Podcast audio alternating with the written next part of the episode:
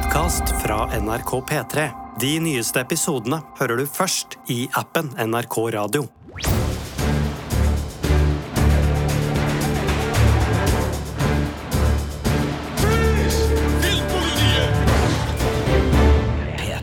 Velkommen til Filmpolitiets podkast i studio i dag. Birger. Sigurd. Og meg som heter Marte. Og på mandag 21. november så subber de levende, om, levende døde omsider i mål i zombieserien The Walking Dead. Eh, etter tolv år og elleve sesonger så er det slutt. Og eh, bortsett fra de fem spin-off-seriene da, eh, som eh, enten går allerede eller er på vei, så er det slutt. Birger Sigurd, hvor mye har dere sett fra The Walking Dead-universet? Her kommer et veldig dårlig svar, Marte. Um, ingenting. Og det, det har ikke med min interesse å gjøre, men uh, at i heimen min så må jeg se serier sammen med noen som Ja. ikke er så interessert i zombier, og derfor så har The Walking Dead havna på backburneren, altså, og du vet hvor vanskelig det er å skal plukke opp en serie som uh, plutselig det fins 11-12 sesonger av. Kan være litt vanskelig å begynne på den, eh, men du har gjort det for en god stund siden, Sigurd. Altså, da The Walking Dead kom, så var jeg hekta på Jeg, jeg liksom hadde med den som sånn eh, ferieserien, den man hadde med på laptopen. Eh, mulig at jeg hadde lasta ned noe greier Jeg husker, Det var 2012, det er lenge siden, men altså, den var med, og de første sesongene, der var jeg skikkelig hekta. Det var en seriebegivenhet på linje med Game of Thrones og, og flere andre storserier. Og så ramla jeg av kraftig. Jeg sjekka nå, det var i i overgangen sesong fire, sesong fem. så bare var jeg ferdig. Jeg husker at sesong tre og fire var en litt sånn eh, sakte subbing mot eh, kanten av et interessestup som bare flata ut. Og så har det sikkert kommet andre serier da, som har fulgt på, men jeg kom meg aldri på The Walking Dead-hesten igjen. Men du har jo gjort det, men, men det har ikke vært en, en rett fram-vei for deg heller, Det har ikke vært en rett fram vei. Jeg hang med eh, ganske så tett i kanskje sju sesonger, eh, og så ramla jeg litt av og måtte litt opp på hesten, og ramla litt av igjen og opp på hesten igjen. Eh, og så har jeg jo da nå i forbindelse med den aller siste sesongen eh, fått plukka det opp på nytt, og jeg har sett meg selv nesten i mål. Den aller siste episoden har jo enda ikke kommet. Jeg gleder meg veldig til å se selve finalen. Eh, Men selv om ikke alle her har det samme forholdet til The Walking Dead, så har jo vi alle et forhold til selve zombiesjangeren. Eh, Så i dag så skal du som hører på, få litt eh, zombiefilmhistorie som hjerneføde, og vi skal tipse deg om våre zombiefavoritter. Men først, hør på det her. This world is broken. This isn't the future my mom and dad fought for. The hell is gonna rain down on you.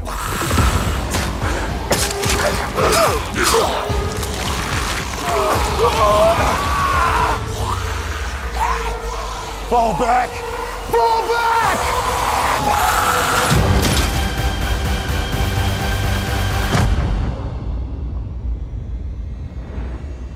I've heard stories, walkers that can climb walls and open doors. I was never sure if they were just stories. Og på slutten her så hørte vi en liten kommentar om at zombiene er i ferd med å utvikle seg også i The Walking Dead-universet, og det har vært et eh, spennende element eh, denne sesongen her. Eh, Og det er jo den aller siste sesongen, og jeg må bare si før, eh, før vi begynner å snakke litt mer inngående om den, det er litt rart, fordi jeg begynte her i Filmpolitiet i 2010. The Walking Dead begynte i 2010. Eh, nå er altså eh, serien da etter tolv år ferdig, eh, i tillegg til alle disse spin-offene som selvfølgelig er på vei. Så The Walking Dead-universet er jo ikke helt ferdig, da. Og det her er jo sånn pre-strømmetjenestetida, omtrent altså før Netflix, før HBO Nordic, HBO Max. altså Det er jo et TV-landskap som har endra seg voldsomt i de årene. Og, og det har jo også vært sånn at The Walking Dead sin popularitet og, og størrelse har endra seg i de årene. Men, men hvordan er det å liksom eh, tenke tilbake på, på liksom hvor, hvor det starta, og hvor det er i ferd med å, å ende? Det er veldig spennende, og jeg liker veldig godt for at i denne siste sesongen her nå, eller den siste delen av den siste sesongen, fordi den har vært delt opp eh, i forskjellige deler, både av eh, korona, men også rett og slett for å strekke det ut. Altså Serieskaperne har sagt at de ønsker å på en måte eh, gi seerne liksom den beste opplevelsen ved å på en måte hale det litt ekstra ut og skape litt ekstra engasjement. Det tror jeg kanskje er en litt flåsete eh, kommentar, som kanskje ikke er helt sann, men i den siste delen så er det sånn at hver episode starter eh, med Um, en lite sånn flashback hvor vi hører stemmen til Judith, som er datteren datteren til eh, sheriff Rick Grimes, som starta det hele i 2010, hvor hun reflekterer litt sånn tilbake på det eh, hennes familie og, og, gjeng da har vært gjennom. Sånn at eh, det er jo veldig åpenbart at serieskaperne ønsker at vi skal reflektere tilbake på de ti foregående sesongene også. Men når du ser de siste episodene av The Walking Dead her nå, altså, kjenner du igjen den serien du begynte å se på i 2010, eller har den utvikla seg i takt med zombiene? Den har utviklet seg, men samtidig så kjenner jeg den igjen, fordi det som jo var litt annerledes med The Walking Dead da den kom, altså med tanke på zombiesjangeren, var at den kanskje sånn egentlig, på det mest grunnleggende planet, handla mer om de mellommenneskelige relasjonene, snarere enn faktisk zombieapokalypsen. Um, og selvfølgelig så er det jo vanvittig mye gore. Det er så mye innvoller og blod og gørr og hjernemasse i den serien her. Eh, og det er selvfølgelig en stor del av det, men det som har gjort at jeg har av og på hengt med i nå elleve sesonger, er jo nettopp dette med de mellommenneskelige relasjonene, og også all den derre tematikken rundt hvem er vi, hvor langt er vi villige til å gå eh, når noe sånt som dette inntreffer? Eh, og det er noe som absolutt fortsatt er et tema i The Walking Dead. Eh, der hvor vi ser at folk var litt mer sånn på vandring i de første sesongene, så har vi i ganske mange sesonger nå egentlig vært mer fokusert på etablerte samfunn. At vi har ulike samfunn rundt omkring som kriger om ressurser og prøver å liksom klare seg mot de udøde. Um, og i denne siste sesongen så har det jo da vært eh, en, en plass som heter The Commonwealth, uh, som har vært den på en måte store makta, uh, hvor da Eh, illusjonen om den tapte verden forsøker å bli opprettholdt. Da. at på en måte det gamle Amerika, USA, fortsatt på en måte skal holdes ved like. Og da er det også interessant å se hvor på en måte langt ned i gammel historie eh, menneskeheten er villig til å gå for å klare å holde styr og kontroll på alt som eh, foregår. Mm. Jeg har jo alltid vært av den mening at uh, enhver dårlig skrevet film kan reddes med litt ordentlig gore. ja. altså, den første Terrifier er jo et eksempel på det, og til dels også Terrifier 2. Litt bedre manus der, men uh, veldig bra gore også. Men jeg skjønner jo at i en serie som The Walking Dead hvis den skal gå over tolv år, tolv mm. sesong, elleve sesonger, var det der? sesonger, ja. så, så, er du avhengig av at figurene har eh, bokstavelig talt kjøtt på beinet, som jo er viktig i dobbeltforstand i en serie som eh, det her. Ja. Men, men eh, det er fremdeles figurer her som du føler et engasjement for etter så lang tid? Virkelig, og det handler jo nettopp om, om at vi har fått lov til å være med dem på reisen. Og så er det jo veldig mange som enten har falt fra eller blitt drept eh, fra de vi møtte i den aller første sesongen. Eh, altså Sheriff eh, Rick Grimes spilte Andrew Lincoln. Han eh, lever, men er ute der et sted. Eller vi tror han lever, jeg regner med han lever siden han skal få en spin-off-serie. han er ute der et sted. Eh, men eh, vi har jo folk som har vært med fra start. Altså Daryl, for eksempel. Carol. dette er folk som fortsatt er med oss, og, og også da datteren Judith har jo vært med i ulike skuespillervarianter, da, selvfølgelig, uh, opp gjennom åra hele veien. Sånn at uh, dette her er mennesker som vi har fått et forhold til, og som vi har fått lov til å være med Eh, på utviklingen til. Eh, både Maggie eh, og Negan de er noen veldig interessante rollefigurer som har endret seg mye opp gjennom sesongene. Både for Maggie sin del, hvordan traumer påvirker deg.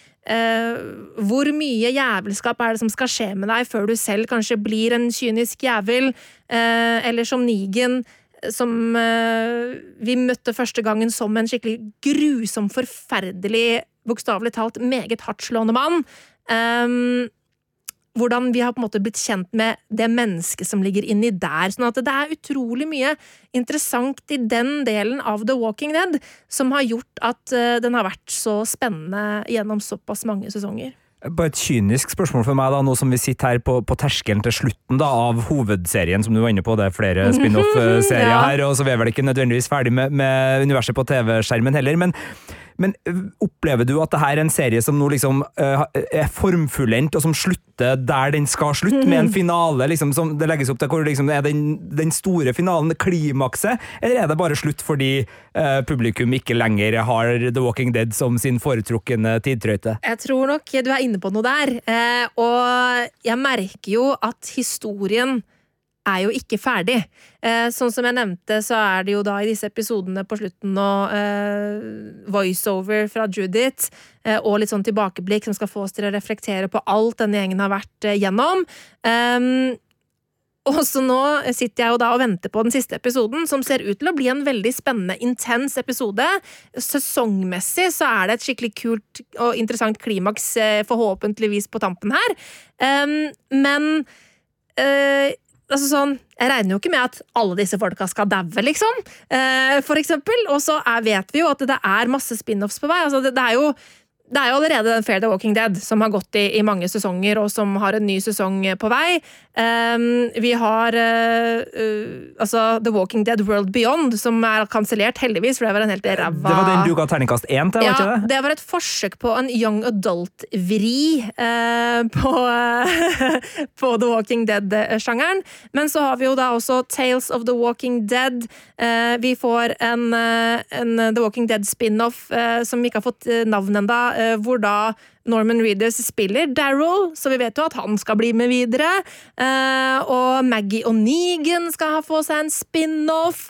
Eh, Michonne og Rick skal få seg en spin-off. Sånn at historien til disse menneskene er jo ikke over, men The Walking Dead som hovedserie er over. Er det på tide at eh, de rapper opp eh, nå, syns du, eller burde de kanskje ha gjort det for noen sesonger siden i hovedserien? Ja, det er nok litt på tide, fordi eh, det som har vært et problem for The Walking Dead nesten hele veien, er at den har hatt en utrolig spennende start, en utrolig spennende slutt, og så har det vært i disse 24 episoder lange sesongene, det har vært litt sånn varierende lengde, men sånn cirka det, eh, en litt sånn slogg, litt sånn myr i midten der noen ganger. Um, og de har jo dratt det ut. Og det kan man jo kanskje også se på uh, litt sånn seertall og sånn, fordi at uh, altså The Walking Dead har jo vært helt vanvittig svært på et tidspunkt, og det er kanskje ikke like stort lenger nå.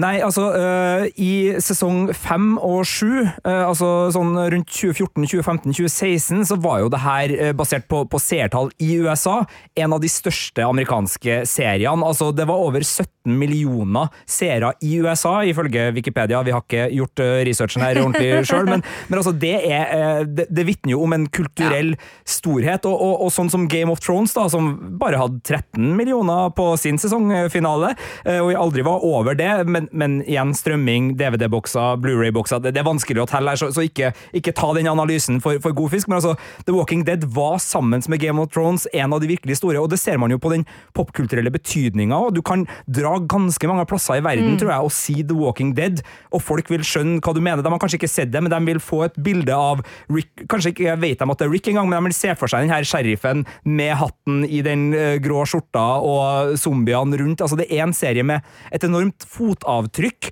eh, popkulturelt sett, eh, og den har jo blitt en, et symbol på zombiesjangeren for mange, etter at den liksom leda den eh, zombiesjangeren på TV-ruta. Eh, skal ikke si revolusjon, nei, men altså den uh, Fikk en ny vår. Ja, en, en ny Ja. vår da, på, på TV-ruta der. Så, så det er klart den har vært veldig viktig.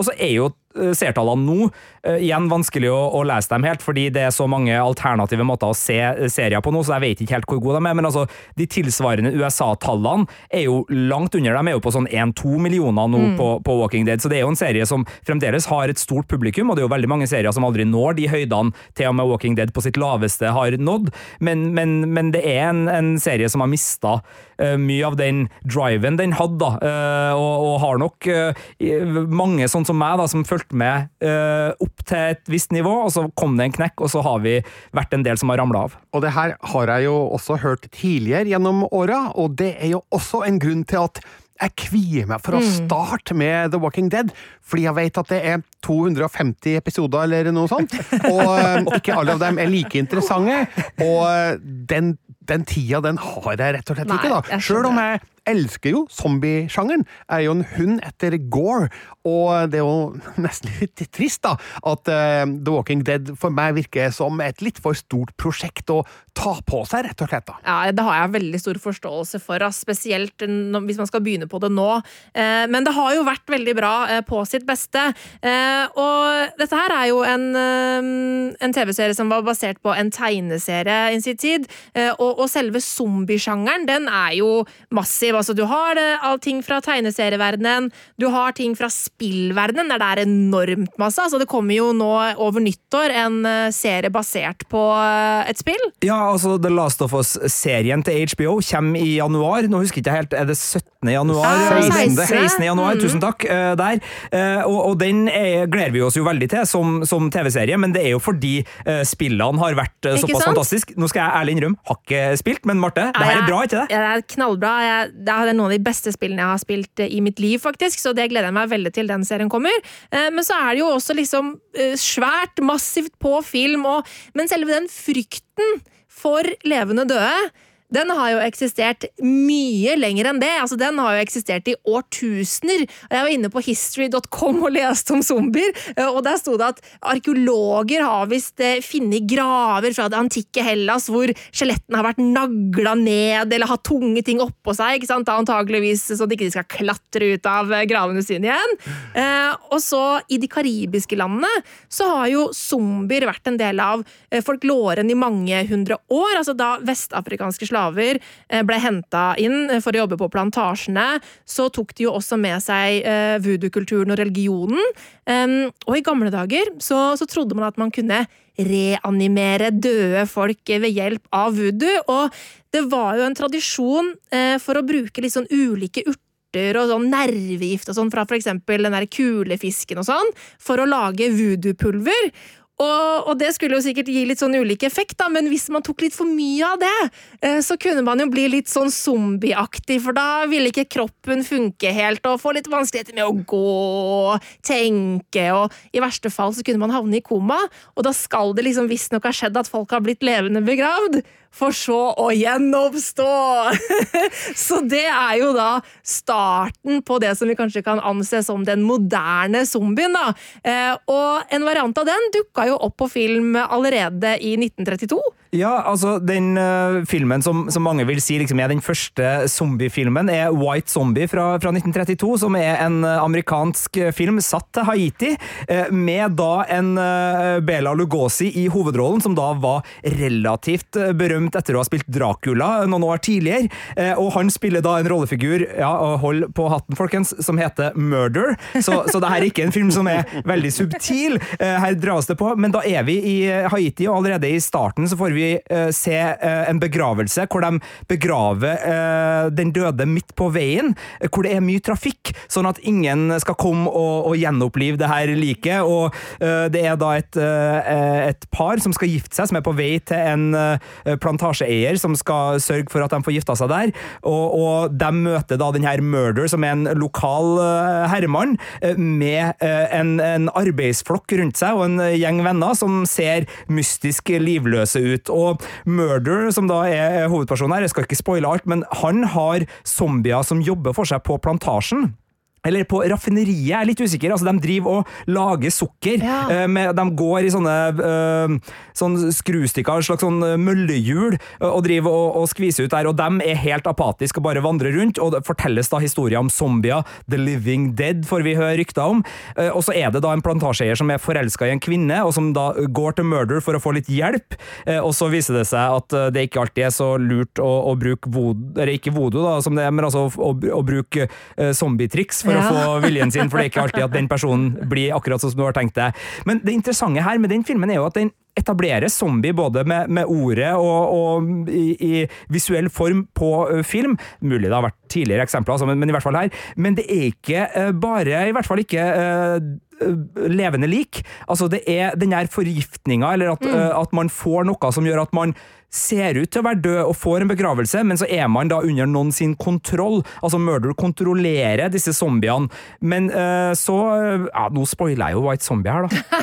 Det, okay, jeg skal ikke spoile White Zombie, men det viser seg at man kan komme ut av denne transen. da. Sånn at det her zombiegreia er ikke uh, øh, altså det er ikke råtne lik som, som skal spise hjerner, men det er en apatisk tilstand hvor du er under noen andres kontroll, da, og en sånn zombietilstand. Så det jo viser jo litt sånn spennet allerede i starten. Eller det viser jo hvor hvor det, hvor det kommer fra, at det var uh, ulike typer zombier også på, på film. Ja, og den der overnaturlige delen der med liksom, kontrollere folk, det å ved å hjelp av magi kunne bringe folk tilbake fra, uh, fra de døde, det var jo en stor del av zombiesjangeren i starten. Uh, etter eh, The White Zombie så kom det jo litt sånn drypp av eh, zombiefilmer innimellom. Eh, men så under andre verdenskrig så kom det et knippe som kanskje tok zombiesjangeren litt mer inn i den mainstream filmkulturen hvor folk gikk på kino. Og i 1943 så kom filmskaperne Jacques Tourneur og Val Luton med filmen I Walked With A Zombie, som Jeg har ikke sett den, men det er visstnok den mest kjente fra denne tida, da. Og også den eh, handler liksom litt om det derre overnaturlige, og har den derre um, den voodoo-delen, fordi at det er på dette tidspunktet henta veldig mye fra den type kultur. Um, og det var fokuset fremover også i, i zombiesjangeren, altså dette voodoo-aspektet. Men så dukka George Romero opp, eh, Birger. Ja, det er riktig. Han hadde bakgrunn fra reklamebransjen i USA på 1960-tallet, og bestemte seg for å debutere som spillefilmregissør, da med en independent-film, eh, skutt for bare 100 000 dollar, som ja, det er mye penger, det, men det er, lite penger for en hel filmproduksjon. Eh, men han eh, kastet seg på da denne zombiesjangeren, og ja, revolusjonerte egentlig hele sjangeren eh, på egen hånd, eh, uten å egentlig kalle vesenene i filmen sine for zombier, for det kom til seinere. Det skal visstnok ha vært fansen som har da brukt det ordet om de skapningene, da de levende døde, som eh, skaper en del hodebry da for figurene i eh, Night of the Living Dead. Eh, historien foregår i Pennsylvania ute på bondelandet, der eh, to søsken drar til en kirkegård for å besøke farens grav. Det er da andre eh, på denne kirkegården det levende døde som dreper eh, broren. Søstera flykter av gårde. Hun eh, finner flere andre overlevende fra den pågående zombieapokalypsen, og de barrikaderer seg da eh, på en bondegård. Eh, de hører jo da rapporter på radio om eh, mord som pågår over hele kysten av USA, og kan vel si såpass at den avsluttes på en rimelig dyster måte. Alle dør. Ja, så der, der ble Night of the Living Dead spoila, men det ble jo en kjempesuksess. Den spilte inn da 18 millioner dollar eh, på verdensbasis, som var en uhorvelig stor sum på den tida, i 1968. Altså, når budsjettet var på 100 000, så kan du finne ut eh, hvor mange ganger eh, det multipliserte seg i inntjening. Og det var jo starten på en hel rekke zombiefilmer. George Romero sjøl laga jo fem oppfølgere. Vi kan nå ta dem i rask eh, rekkefølge. Altså Etter Night of the Living Dead så kom eh, Dawn of the Dead i 1978, Day of the Dead i 1985, Land of the Dead i 2005. Diary of the Dead i 2007, og hans siste zombiefilm det var Survival of the Dead i 2009. Eh, George Romero døde jo eh, etter hvert, men en ny film, Twilight of the Dead, skal være under utvikling med mm, noen av hans familiemedlemmer bak eh, rattet. Så får vi se om den manifesterer seg på et eller annet vis. Men uh, Night of the Living Dead, den, det var egentlig filmen som sparka i gang alt det vi har av eh, zombiefilm og zombieserier nå i våre dager, så den har virkelig hatt en stor innflytelse. Ja. Og, og den åpner jo også opp, eller åpner, altså igjen da, jeg, jeg vet jo ikke hva som har vært før, men der er det jo stråling som er liksom årsaken til at uh, så, så det er jo noe med, med hva er det som på en måte sørger for at uh, disse levende døde, enten de er øh, øh, skinndøde eller faktisk døde og blir vekk til live, altså hva er det som gjør det? Og det, det er jo alltid interessant å liksom se på hva er årsakene er, og, og hvordan liksom sånn frykt spiller det på, og hvordan fiendebilder er det eventuelt som ligger bak, og, og hva er det som gjør at vi blir så fascinert av, av det her. Og på 60-tallet, stråling, eh, radiation, ja ja, det, det, det var jo i, i tiden. Og disse filmene er jo tillagt stor symbolverdi av ulike årsaker. Det er ikke sikkert at det var tiltenkt i utgangspunktet fra filmskaperen, men når det gjelder Night of the Living Dead, så er den, den sett på som en kritikk av det konforme USA på 1960-tallet, samtidig som Vietnamkrigen rast. Det var mye sinne i landet som eh, jo, du kan eh, se mellom linjene i, i filmen, og også raseproblematikk eh, er en del av det, fordi hovedpersonen spilles av en afroamerikaner. Eh, han blir drept av en gjeng rednecks på slutten av filmen. De, eh, de mistar han riktignok for å være en zombie, eh, men eh, i et år der Martin Luther King ble drept og Malcolm X var død, og Robert Kennedy også ble drept, så, så var jo det noe som man kunne trekke visse slutninger av, da, uten at vi kan si for sikkert om George A. Romero egentlig hadde tenkt på det sjøl da, da filmen ble laga på slutten av 1967.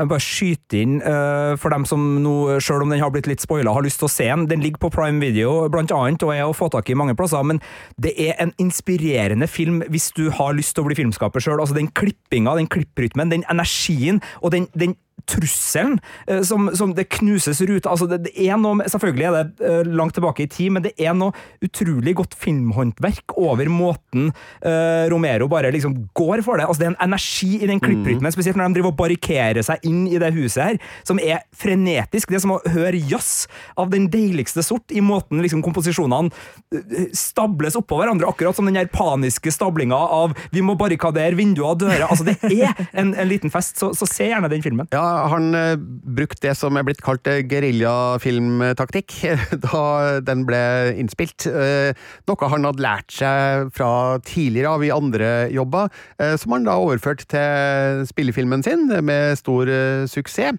Eh, Og filmen er jo også skutt i ganske grovkorna sort-hvitt, og eh, de som mener at det er en parallell her til Vietnamkrigen, eh, peker jo på at eh, mange av eh, bildene man fikk derfra, altså fra selve krigen, er jo skutt i litt eh, samme format og med samme håndholdte kvalitet. Og så er det jo gore også i den. Altså Det er noe jafsing og glafsing på, på kroppsdeler som, som eh, sørger for at også de entusiastene ja. får litt. Eh, Et interessant aspekt av den første Night of the Living Dead i 1968, det var at den, den, den ble utgitt på kino rett før aldersgrensa ble innført i USA, Oi. slik at eh, alle filmer kun ses av alle, og dermed så var det mange små barn som da kunne gå på kino og se Night of the Living Dead i 1968.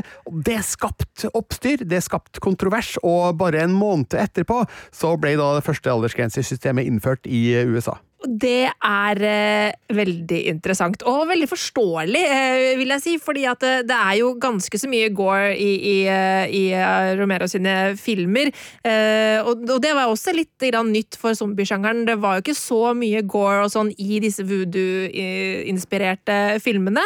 Eh, men det er jo virkelig noe som er videreført eh, til dagens eh, zombiefilmer. Som du sier, eh, dagens eh, sjanger bygger jo nettopp på Romeros eh, håndverk. Og eh, min inngang til det var jo eh, Jeg tror kanskje liksom den første sånn skikkelig ordentlige zombiefilmen jeg så, var nok remaken av Dawn of the Dead som kom i var det 2004, Zack Snyder sin. Yes. Eh, og så har jeg i ettertid sett eh, Romero sine filmer, da. Eh, så, så det har jo vært eh, en interessant eh, reise.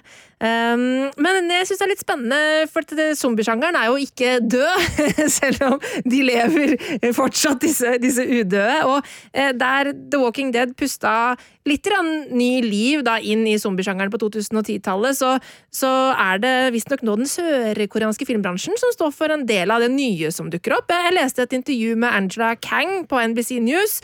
Det er hun som er showrunner for The Walking Dead nå, og hun har jo koreanske røtter, og hun har snakka en del om at eh, også zombiesjangeren er en del av den der kreative renessansen for asiatisk historiefortelling eh, som, eh, som pågår nå, da. Eh, og det er jo ganske spennende. Og eh, Train to Busan, som kom i 2016, var jo den første store zombie-blockbusteren i Korea. Eh, for der er jo zombiesjangeren et nyere eh, begrep, egentlig. Eh, og den har jeg ennå ikke sett, faktisk. Uh, mannen min driver hele tiden og maser på meg at jeg må se den, men du har jo anmeldt den, Birger. Jeg har det. Jeg mener å huske at jeg likte Al all eh, gore Ja. som filmen kun pøs på med, og den har jo et konsept som innbyr til eh, filmatisk eh, spenning. For min del så har jeg et stadig tilbakevendende problem med eh, overspillet, som Ja, man ofte ser i eh, koreansk og japansk film. Jeg tror nok at det her er nok mest av alt litt kulturelt betinga. Så hvis man eh, greier å eh, ja, eh, se gjennom det da, og godta at de har en litt annen kultur enn det vi har når det gjelder skuespill og eh, dramatiske fortellinger, så er Train to Busan virkelig en innertier av en zombiefilm. Jeg, jeg, jeg likte faktisk oppfølgeren et hakk bedre, Peninsula, som kom i forfjor. Eh, Der var det også tegn til litt overspill, som jeg da sliter eh, med, som man forstår, men eh, ikke så mye som i Train to Busan, så jeg tror nok at eh, Busan-filmen er den mest anerkjente av de to, da. Men eh, se også Peninsula, hvis du har eh, muligheten til det. Si at Den advarselen om eh, overspill gjelder også eh, White Zombie fra 1932, eh, hvor det også er en god del annen skuespillerteknisk framførelse når det gjelder reaksjoner, spesielt da på, på hva det er som skjer. Så den har jo gjort det. Men, men det er jo interessant med de her zombiefilmene. litt sånn ulike tematiske måter de liksom mm. løser både hva det er som driver dem framover, og hva det er liksom som, som ligger der i, i, i den subteksten. Vi, vi snakka litt om det rundt uh, The Night of the Living Dead, men det er jo, det er jo noen sånne uh, ting som, som uh, gjør at du, du, nevnte jo som kom noe nylig, altså sånn pandemi, virus, sykdom er jo én del av det, som, som naturlig nok liksom, Paranoia for eksperimenter! Paranoia, og, og så er det det med at det, det er oss. Altså, det, det er vi som blir trusselen. Altså, du, Birger, du har noe, så gir du det til Marte, og så er liksom sånn kampen mot å liksom både ikke få det, men også det å se at sånn, men det, her er jo, det her er jo noe som liksom ikke uh, kommer utenfra. Det er ikke noe som romvesen som, som kommer og er annerledes, og som angriper oss. Det er liksom vi som sjøl blir til det, det truende, og der òg syns jeg jo det er mye fascinerende, og spesielt da når man får den der du må skyte familiemedlemmer eller nære venner på et eller annet tidspunkt i en zombiefilm. Det hører jo ofte med til at mor for eksempel da blir en zombie, og så er det sånn Nei, jeg vil ikke, men jeg Eller må for eksempel at en mor må i hermetegn ta livet av sitt døde barn, eksempel. Eller det er bli jo drept av sitt eh, barn eh, som igjen, og nå spoiler vi Night of the Living Dead fullstendig her, men eh, det, det Ja. Men det den subteksten den går jo igjen helt fra Night of the Living Mm. Dead og fram til nå, altså frykten for at det etablerte, trygge samfunnet skal gå i oppløsning, og det trigges ofte av urolige perioder i nyhetsbildet. Night of the Living Dead, som vi snakka om, den kom jo samtidig med Vietnamkrigen og raseopptøyer og sosial uro i USA. Eh, eh, det, altså Dawn of the Dead, den første fra 1978, den, eh, den ga jo oss noen ganske velretta spark mot eh, konsumersamfunnet og eh, materialismen, eh, mens eh, Day of the Dead, da, den eh, peker mer på eh, vår frykt for eh, eksperimenter og eh, militær overmakt, og eh, i hele tatt at eh, det som vi anser som trygt, ikke er det allikevel. Og som du sa, Sigurd, det, det er vår skyld. Det, det er våre fellow menn eh, som vi skal frykte. Det er de andre menneskene. Det er ikke en eh, ekstern trussel utenfra. Mm. Og det der er jo noe som virkelig lever eh, i beste velgående i zombiesjangeren fortsatt. Eh, vi skal få lov til å komme med noen av våre personlige zombiefavoritter. Eh, altså, hvordan type hjerneføde er det du velger, Birger, når du skal plukke din favoritt? Ja, jeg må faktisk gå til Peter Jacksons Braindead fra 1992. Og jeg vet at det her er jo en tullesombiefilm tullezombiefilm. Det er jo humor. Eh, det er sort komikk av aller beste sort, og eh, den har kanskje ikke de eh, seriøse trekka ved seg som noen av de filmene vi nå har snakka om, men eh, det er en av de morsomste filmene jeg vet om. Altså, det er også en av de blodigste filmene som noensinne er, er laga. Hvis man ser for seg den berømte um, tennissketsjen til Monty Python, litt gammel referanse der kanskje, men bare skrudd opp til 300 000, der har du Peter Jacksons Braindead, som da er en ekstremt fantasifull eh, og, og, morsom måte å bruke eh, zombiesjangeren på. Altså, den gjør jo pek av zombiesjangeren, men kjærlig sådan, da. Um, jeg vet at Peter Jackson er i ferd med å restaurere filmen nå, for den har ikke fått en ordentlig god um, fysisk utgivelse på veldig, veldig mange år. Har den sjøl bare på en gammel DVD, men eh, nå har han da planer om å um, restaurere alle sine tidlige filmer, også eh, Meet the Feebles og, um, og Nå husker jeg ikke hva den første heter. Bad Taste? Bad Taste, ja takk skal du ha. Eh, med de samme verktøyene som han brukt til den andre verdenskrig-filmen sin, og den Beatles-dokumentaren på Disney pluss. Eh, så det gleder jeg meg veldig til, for eh, her er det virkelig spletterhumor av beste sort eh, om en eh, ung mann som eh, kommer i kontakt med et virus som ei ape har tatt med seg, og som smitter noen av de denne mannen har rundt seg, eh, med hysterisk morsomme konsekvenser. Så Braindead fra 1992, det er min favoritt, men den er altså litt vanskelig å få tak i nå, så vi får bare håpe at Peter Jackson slipper sin restaurerte versjon ganske snart. Ikke sant. Hva med deg, Sigurd? Hva er din eh, zombiefavoritt? Nei, eh, altså Det er jo et eh, landskap Jeg, jeg, jeg bare kom på det sånn tidligere i, i høst, var det vel, så kom jo Zombies 3 på Disney Pluss. Altså Disney Channel sin tredje musikal om zombier. Så det er klart, vi, vi lever i et spenn her fra liksom det mest gory av det gore til Disney Channel.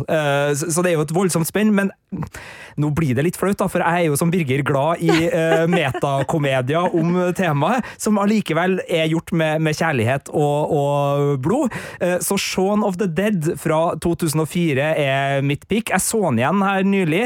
Det er noen vitser her som ikke har tålt tidens tann. Altså, det er noen år siden 2004, og det er ikke alt i uh, den filmen her som, som, står seg like godt, men jeg syns likevel det er en zombiekomedie regissert av Edgar Wright, og i tonen med en del andre filmer som Hot Fuzz og The End of the World og en del andre filmer de laga sammen. Her er det Simon Pegg eh, som er da hovedpersonen. Nick Frost er med. De var jo en gjeng her som, som laga mye artige filmer.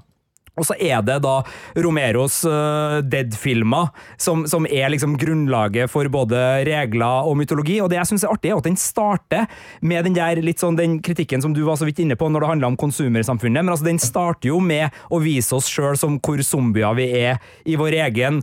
Gå på butikken, gå på puben, uh, gå på jobb i, i, en jobb vi ikke liker. Altså den der saueflokk-greia som, som, liksom gir oss et, et ganske artig anslag i denne filmen, som egentlig egentlig handler om en eh, fyr som må få livet sitt på stell. Eh, og da han bestemmer seg for det, altså ikke gå på puben hver eneste kveld, ta litt grep, få tilbake kjæresten, bli et bedre menneske, besøk mamma, eh, så har det da vist seg at det er en zombieapokalypse som, som foregår. Og det er jo gjerne apokalypse når zombie, zombiene kommer, for da er det jo et tegn på end of times osv. osv. Men måten det lekes med sjangergrep, samtidig som det er en Uh, hva skal man kalle en romantisk buddy-komedie inni midten av det, gjør jo at jeg flirer godt. Altså, det er eh, ei scene med Queen på jukeboksen og biljardkøer og forsøk på hvordan man kan drepe zombier. Det er også en veldig viktig ting i en zombiefilm. Hvordan dør de? Er det ild?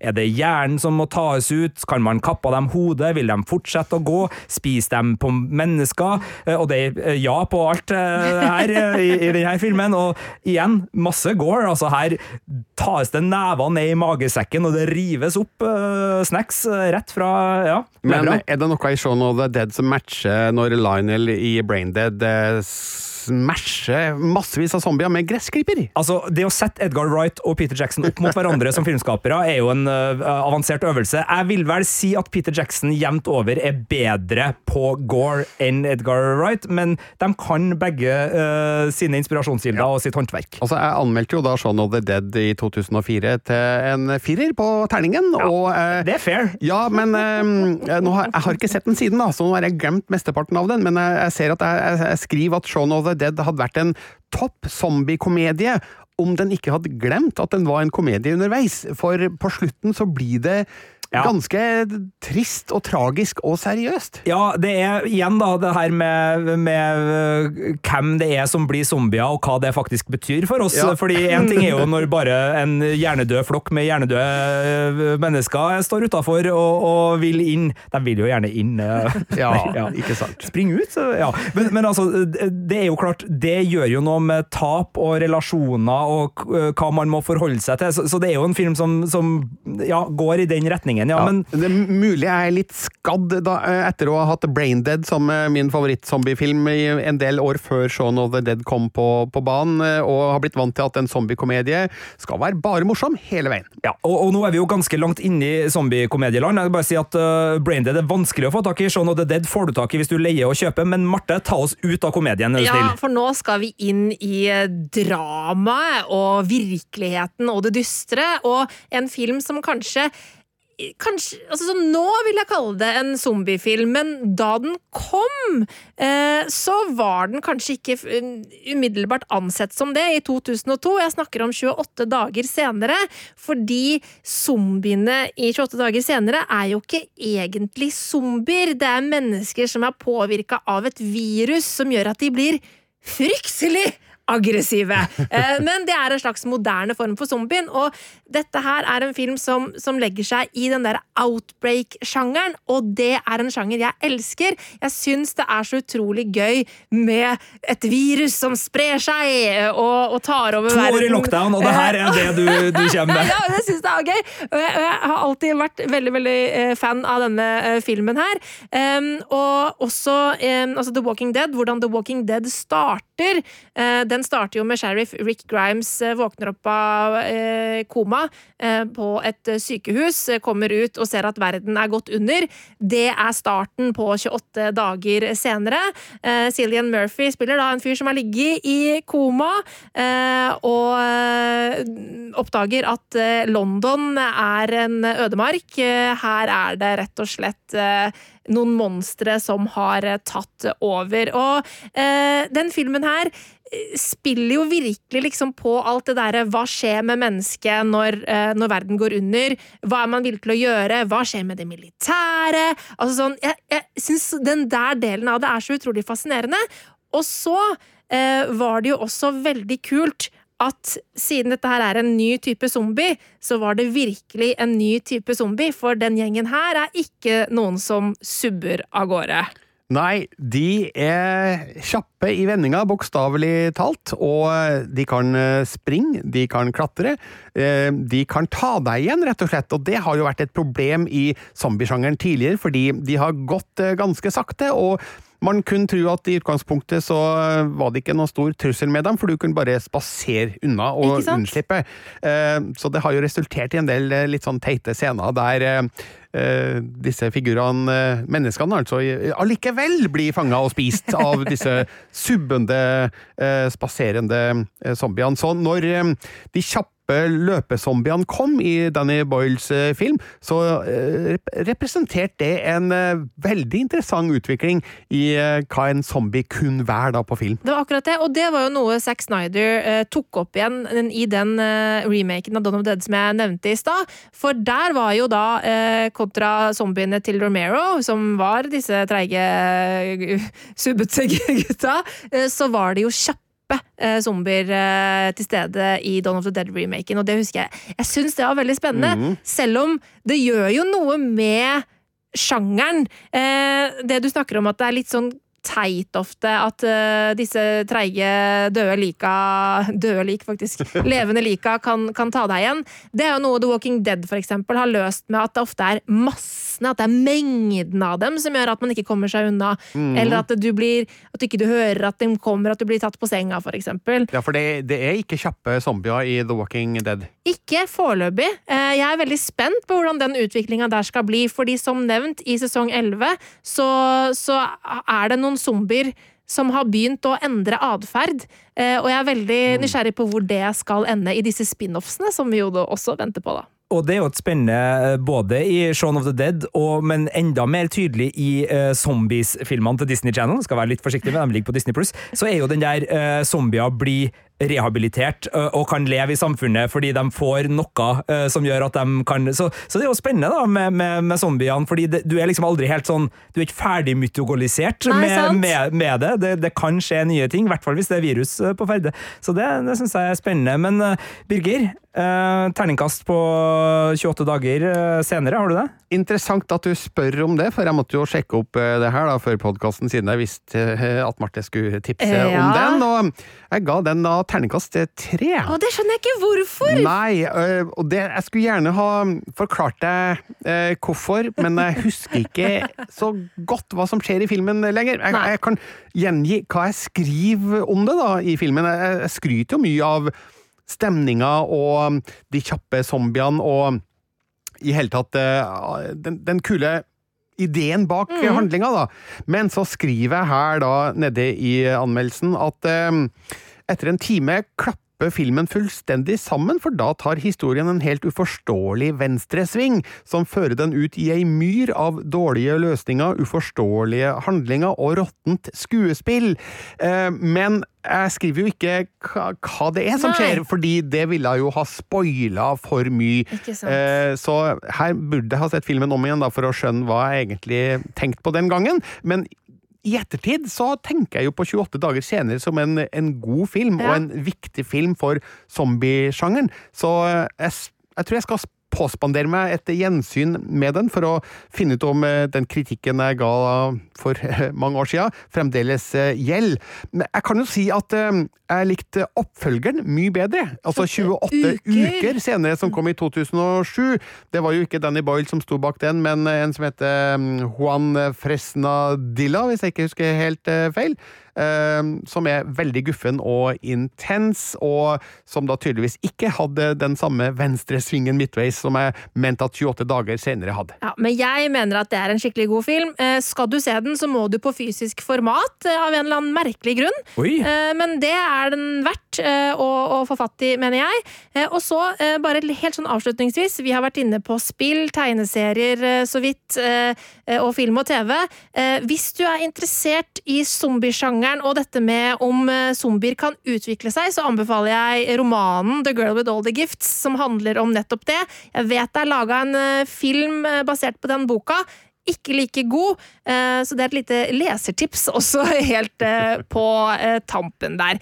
Så nå har vi vært innom en god del av eh, zombiehistorien, i hvert fall. Sånn et Ja. lite, eh, et lite dypp ned i Et lite tå, tåa ned i dette store bassenget eller havet som er denne sjangeren. Ja. For det er jo, den er jo enorm, men det er jo en sjanger vi virkelig har eh, sansen for. Ja, Vi må jo bare beklage hvis vi nå har snakka om zombier i tre kvarter uten å nevne din foretrukne film eller serie. Altså, eller spillserie. Altså, det er jo så mye her. Vi, vi har virkelig bare skumma det. Men Romero er jo en sentral skikkelse, så vi, vi valgte å, å følge han og har vel truffet med det der. Og så bare å, å, å si til alle som søker etter 28 dager senere, ikke stopp på 28 dager. Det er en romantisk komedie med Sandra Bullock, eh, så er dere advart om det.